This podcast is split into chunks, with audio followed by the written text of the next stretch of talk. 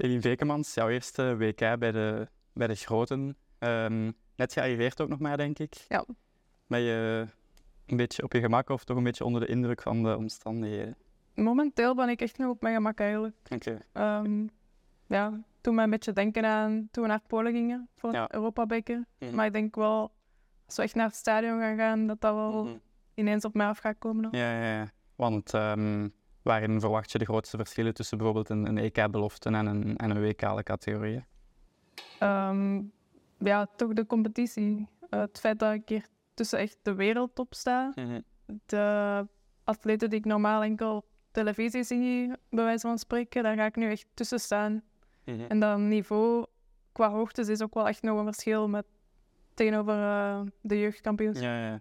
En gaat alleen de, de wedstrijd zelf zijn, denk je? Of toch ook ja, het, aantal toeschouwers en zo? Ja, op een EK-belofte zit natuurlijk geen 35.000 man. Nee, inderdaad. Ja, het stadion is ook heel eh, anders. Mhm. En in Polen was het ook wel een groot stadion, maar toen zat er echt niemand. Ja. Dus ja, inderdaad, dat volk gaat ook wel echt eh, een ander effect geven, denk ik. Mhm, mhm. En denk je dat dat jou kan beïnvloeden? Een beetje stress of zo, al die omstandigheden? Of ga je Mm, er goed in zijn om daar rustig onder te blijven? Meestal ben ik wel goed in het rustig blijven. Oké. ehm, maar ik denk wel ook wel dat ik eh, stress ga hebben. Maar dat was natuurlijk voor het EK-belofte ook wel. Mhm. Maar daar was het nog anders, omdat ik daar eh, natuurlijk het blauwe nummer aan had. Eh, ja, ik loop daar meer in de kijker, terwijl hier Ja. mensen kennen mij niet. Ja. Eh, Mhm. dat geeft me wel een gevoel van ontspannenheid eigenlijk, Ja. op een bepaalde manier. Dus. En helpt het ook misschien dat je het gevoel hebt van ja, mijn, eh, mijn hoofddoel zijn de EK-belofte ligt al achter ons en ik, ik, ik ben hier niet echt iets verplicht van, van te presteren. Zorgt dat ook voor Ja. een zekere ontspanning? Ja, ik denk het wel. Ehm, ik hoop dat ik- dat, dat niet te ontspannen, alleen mij niet te ontspannen gevoel geeft, want ik moet nog altijd natuurlijk proberen te presteren. Ja. Ik wil het nog altijd zo goed mogelijk doen natuurlijk. Uh, maar ik heb inderdaad wel al zo vooral allee, alle doelen eigenlijk bereikt die ik al heb willen bereiken dit seizoen. Uh, maar ik wil wel nog uh, zo hoog mogelijk springen hier. Ja. Van met welk doel ga je eigenlijk aan de start staan? Um, eigenlijk vooral mijn eigen ding doen. Uh, ik heb de hoogtes al besproken met Steven. Mhm. Dus vooral alles proberen op de eerste poging toch te halen. Vooral de beginhoogte dan. En dat is beginhoofd? 420. 420 en daarna? Dan 4,35 meter. Ah ja, per 15 omhoog. Dan gaat het trek naar 4,50 meter. Ja. En dus uh, het is de bedoeling om eigenlijk ja, kwalitatieve sprongen te maken. Mhm. En zo weinig mogelijk pogingen te moeten Ja, ja, ja. uh, gebruiken.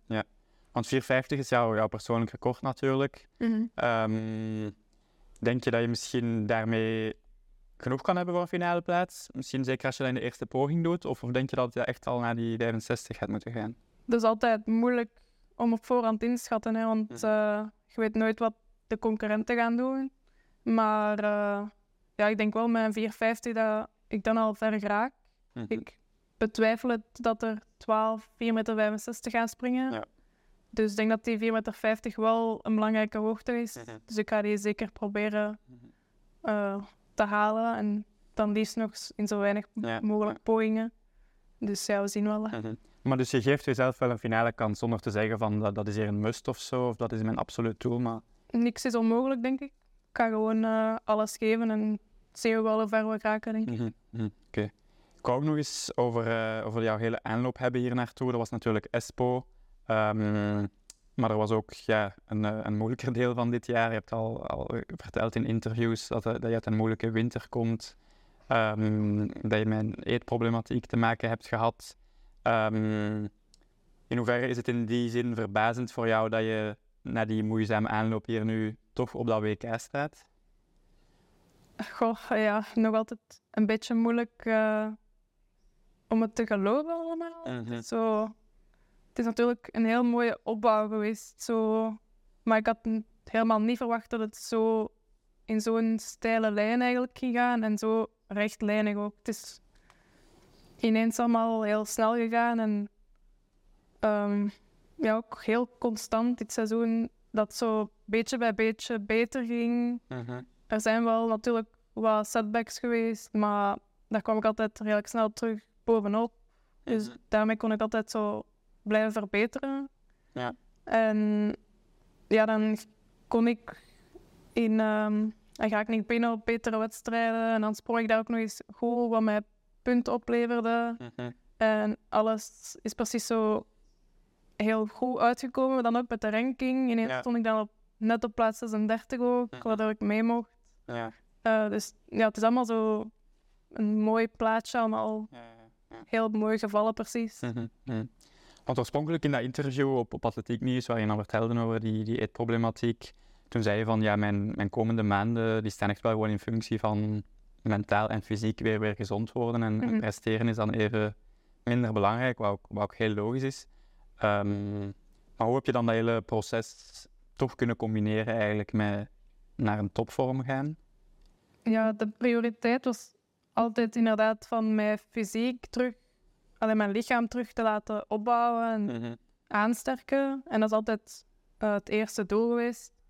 En ik voelde ook dat dat in het begin was dat nog heel moeilijk om dat te combineren met veel trainen, want dat werkt elkaar soms wat tegen, trainen en je lichaam laten aansterken.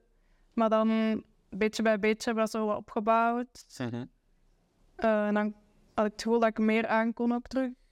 Mhm. Ehm, ook qua krachttraining, looptraining. Ja. En dan voelde ik ook echt dat die trainingen ja, begonnen te werken, Ja. dat ze opbrachten. Mhm. Dus dat was wel heel leuk om dat gevoel te hebben, zo, dat ik terug voelde dat ik het aan het doen was en het opbracht. Terwijl ik het afgelopen jaar was het vaak, ik trainde heel hard, maar ik, op hetzelfde moment brak ik het ook terug af. Ja, ja. Bleef ik hetzelfde niveau, terwijl ik Dat nu, voor jouw lichaam gewoon te veel was. ja, nu kon ik echt opbouwen. Dus dat Mhm. was wel echt een leuk gevoel. Ja, ja. Want op de Europabeker in Polen zei je me ook van, het is niet omdat ik nu terug goed spring, dat die, dat die problematiek volledig weg is. Ehm, wat wil dat dan zeggen? Welke, welke rol speelt dat nu nog in, jou, in jouw leven? Ehm, dus altijd, dat zal altijd wel een werkpunt blijven. Dat had Mhm. ik toen ook gezegd. Ehm, soms zijn er setbacks, ehm, maar gelukkig heb ik een team rondom mij dat mij snel terug kan opvangen en terug de juiste richting in sturen. Ja. En de juiste richting insturen wil dan zeggen dat je soms de neiging hebt om te, te scherp te willen staan of, of te weinig te eten? Of gaat het, is, het- gaat het niet per se eh, alleen maar daarover? Gewoon niet per se scherp willen staan of zo. Soms is het gewoon dat ik wat motivatie verlies of zo. Mhm. Ehm, en dan zijn het mijn coach, mijn teammates, mijn ouders, die dan zeggen van ja, nee, eh, laat je niet gaan of zo. Allee, bij wijze van spreken gewoon. Ja, ja, En die mij dan wel kunnen pushen van te blijven doorgaan. ja, ja, ja. Om niet terug een beetje Ja. af te glijden. Mhm. Oké, oké.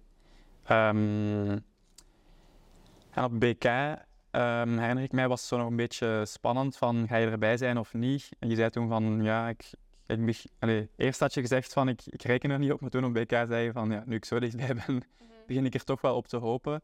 Wanneer ben je dan eigenlijk zeker geweest? Was dat echt pas als de, de ranglijsten gewoon op, op, de, op de website Ja. verschenen? Of? Ja, ah, ja, oké. En jij lijkt me iemand die ziet er redelijk kalm uit. Want hoe, hoe, hoe, hoe, beleef jij dat dan? Ben je dan toch een gat in de lucht? Of, of blijf jij dan jouw kalme zelf? Of? Inner, allee, in, ja, innerlijk was het dan wel zo ja, enthousiast. Mhm. Ik toon het dan misschien niet zo uiterlijk, maar ik was daar wel heel blij om. Mhm. En ik heb het wel nog een tijdje zo niet goed, eh, nog niet goed gerealiseerd, denk ik. Mhm. Dat ik het dan zo wist, maar dat het nog niet goed binnenkwam. Mhm. Nu nog altijd eigenlijk, dus zo een beetje onwezenlijk, maar toch wel, het geeft me wel zo een heel fijn gevoel. Ja, ja. Mhm. Dat wel. Maakt het jou trots ook? Dat je... Ja, trots. En aan de andere kant ook dat het mij wel een gevoel geeft van ik heb nog echt veel potentieel. Als ik er dit jaar nu al kan staan, Ja. eh, wat zouden zullen de volgende jaren dan brengen? Mhm, mhm. Ehm, ik weet niet of je iemand bent die, die ook veel naar postdoc springen kijkt als je zelf niet meedoet, naar Diamond Leagues of zo. Ehm, heb je zo bepaalde idolen? En zo ja, ga je, hier dan, uh, ga je die hier ontmoeten of ga je daar tegen moeten springen hier in Budapest? Um, ik volg het altijd wel wat. Uh -huh. Natuurlijk uh, zie ik Katie graag springen. Ik, ik, vind het ook zo dat die, uh, die presteert bijna altijd -huh. heel goed als het moet. En dan ook die Nieuw-Zeelandse die nu terug heeft heel lang in blessures gezeten. Ja. En nu eigenlijk is het eerste jaar dat ze terug kan doorspringen. En een van de eerste wedstrijden die ze deed, had ze al direct terug uh, de limiet voor het WK. Mm -hmm. Dus uh, naar haar kijk ik ook echt heel hard op. Mm -hmm. ze, haar techniek is ook echt super mooi. Ja. Uh, Heb je tijdens een wedstrijd de tijd om nog te leren van die anderen? Of ben je dan zodanig met je eigen bubbel bezig? Het slim is om tijdens de wedstrijd te veel met anderen bezig te zijn. Mm -hmm. En zeker niet op technisch vlak. Op wedstrijd is toch gewoon doen wat je, waarvoor je getraind hebt. En dan moet je ook niet, niet, niet te veel meer aan techniek aanpassen, vind ik. Mm-hmm. Dus tijdens de wedstrijd ben ik daar niet veel mee bezig. Maar zo tijdens de trainingen zelf en trainingsopbouw, dan vind ik het wel interessant om te kijken hoe doen zij het. Ja. Uh, wat helpt hen, mm-hmm. om daaruit te leren wel. Mm-hmm. Maar nee, op de wedstrijd zelf uh, best niet te veel naar kijken, denk ik. Okay. Maar je zou bezig zijn. Ja. En wat is zo nog het verschil? Dat zal waarschijnlijk in verschillende aspecten zitten, maar je, je zal beter kunnen zeggen dan ik tussen een Wekemans die 4,50 meter springt en iemand die 4,80 meter of 4,90 meter springt. Wat, wat, zijn de grootste verschillen nou? Um, ik denk dat ik vooral wel nog potentieel heb qua uh, ontwikkeling van mijn lichaam, als in mm -hmm. snelheid okay. en kracht natuurlijk. Denk ik dat vooral bij veel andere springsters wel nog wat uh, ja, ze zijn vaak wel nog wat sneller en sterker dan mij. En natuurlijk op technisch vlak uh, kan ik ook nog altijd verbeteren. En postdoc is wel zo een discipline. Er is niet één techniek dat juist is. Nee. En het hangt zo wel af van je lichaamsbouw, grootte, welke techniek goed is mm-hmm. voor een bepaalde atleet. En ik ben niet gebouwd als een typische postdoc-springster. Dus voor mij is waarschijnlijk kracht iets minder belangrijk. Het is belangrijk om kracht te hebben, ja. maar ik moet nu niet, uh, ik weet niet hoeveel kracht hebben, omdat ik meer op de flow spring. Oké. Okay. Um, maar ik denk dat we wel nog, allee, we zijn ook bezig nog veel met technische punten. Tegenover de winter is het al veel verbeterd, ja. maar ik denk dat ik wel nog veel verbetering zie mm-hmm. als ik mezelf zie springen. Ja. Je bent ook nog jong natuurlijk. Ja. Want um, ben je iemand die ver vooruit kijkt en, en bijvoorbeeld zegt van ik zou graag, uh, ik zeg nu maar iets, hè, binnen vijf jaar 4,70 meter springen of 4,80 meter springen? Of, of heb je niet echt van die lange termijn uh, doelstellingen? Tuurlijk wil ik dat wel. Hm. Um, maar ik kijk ook altijd graag naar wat moet ik doen om dat te kunnen springen omdat dat, ja, je hebt dat in de hand. En als, je, als ik nu zeg, ja, ik wil dan 480 springen, dat, dat heb ik niet echt in de hand. Terwijl ja.